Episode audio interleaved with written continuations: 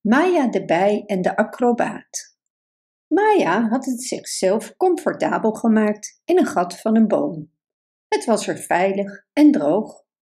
Om zichzelf te beschermen tegen alle wezens met kwade bedoelingen, had ze de ingang van het gat in de boom voor een deel dichtgesmeerd met bijenwas. Ook had ze er wat honing bewaard, zodat ze op regenachtige dagen geen honger hoefde te hebben. Vandaag was het droog en kon ze er weer heerlijk op uitvliegen. Vandaag zal ik een mens ontmoeten, riep ze vrolijk. Op dagen als deze zullen mensen wel zeker graag in de buitenlucht zijn om te genieten van de natuur. Ze had nog nooit zoveel insecten gezien op één dag. Het was een komen en gaan. In de lucht klonk het vrolijke gezoem van verschillende insecten. En in het gras zag ze klavertjes en besloot een slokje nectar uit de bloemetjes te drinken.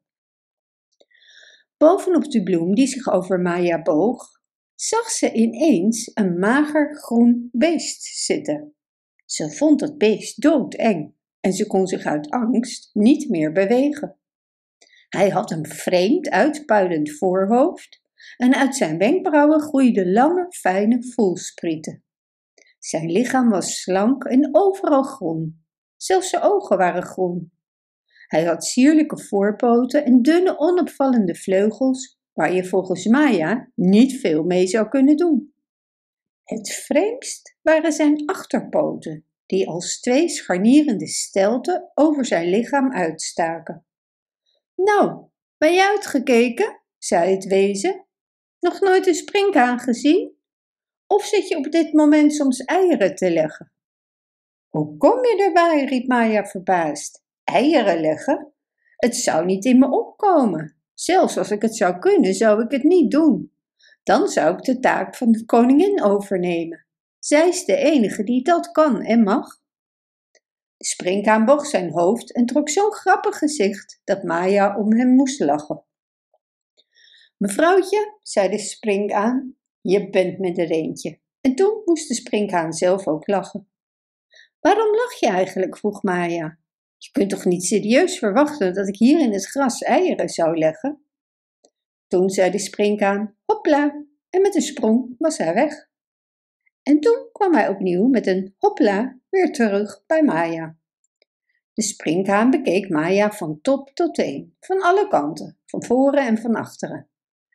Nee, zei hij toen, jij kunt zeker geen eieren leggen. Je bent er niet voor uitgerust. Je bent een wesp, niet waar? Een wesp worden genoemd? Maya vond het een grote belediging. Hoe durf je me een wesp te noemen? riep ze boos. Hopla, zei de springhaan en hij was weer weg. Maya vloog beledigd weg.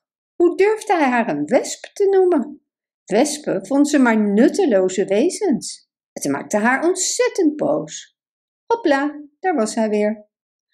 Mevrouwtje, zei de springhaan, neem me niet kwalijk dat ik ons gesprek af en toe onderbreek. Maar het zit nu eenmaal in me dat ik af en toe moet hoppen. Ik kan er niets aan doen. Af en toe moet ik springen, waar dan ook. Kun jij ook niet springen? Hij glimlachte van oor tot oor en Maya kon niet meer boos op hem zijn en moest lachen. Wie ben jij? vroeg Maya. Ik zou het graag willen weten. Nou, iedereen weet wie ik ben, zei de springkaan. En Maya kon er nooit achter komen of hij voor de grap of in ernst sprak. Ik ben een vreemdeling in deze streken, antwoordde ze vriendelijk. Anders zou ik je zeker kennen. Maar houd er rekening mee dat ik tot de bijenfamilie behoor en absoluut geen wesp ben. Mijn hemel, zei de springkaan, jullie lijken toch wel erg op elkaar. Je bent zeker nooit naar school gegaan, barstte ze tenslotte uit. Kijk eens goed naar een wesp. Waarom zou ik, antwoordde de springkaan. Wat voor nut zou het hebben als ik verschillen waarneem die alleen in de verbeelding van mensen bestaan? Jij, een bij, vliegt rond in de lucht, steekt alles wat je tegenkomt en kan niet springen. Precies hetzelfde met een wesp. Dus, waar zit het verschil? Hopla, en hij was weg. Maar nu ga ik wegvliegen, dacht Maya. Daar was hij weer. Mevrouwtje, zei de springhaan, ik zou je graag willen uitnodigen voor een springwedstrijd waar ik zelf aan zal deelnemen in de tuin van de boswachter. Ik ben niet geïnteresseerd in die acrobatiek, zei Maya. Iemand die vliegt heeft hogere belangen. De sprinkhaan grijnsde, een grijns die je bijna kon horen. Denk niet te hoog over jezelf, mijn lieve jonge dame. De meeste wezens in deze wereld kunnen vliegen, maar slechts een paar kunnen springen. Ik heb sprinkhanen gekend, leden van mijn eigen familie, die wel tot 300 keer hun eigen lengte kunnen springen. 300 keer hun eigen lengte, stel je eens voor. Zelfs de olifant, het grootste dier ter wereld, kan niet zo hoog springen. En hopla, weg was hij weer. Maya vond het een vreemde kerel, die sprinkhaan, die zichzelf Flip de sprinkhaan noemde. Maar hij had haar in het korte gesprek dat ze met hem had veel nieuwe dingen geleerd.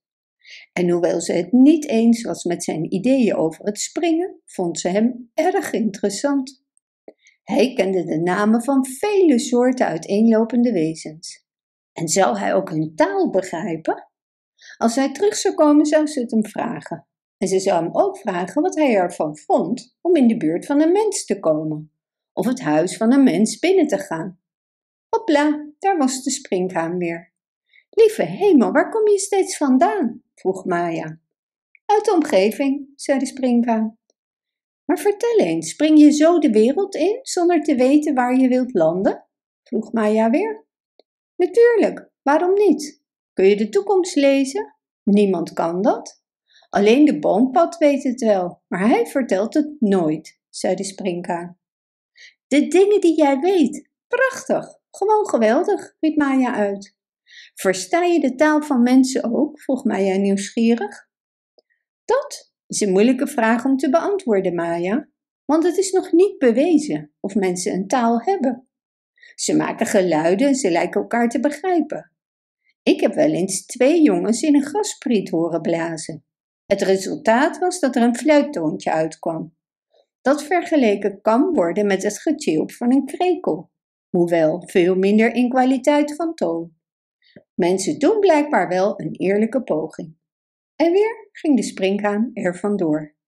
Maar deze keer wachtte Maya tevergeefs op hem. Ze keek om zich heen in het gras en de bloemen, maar hij was nergens meer te bekennen.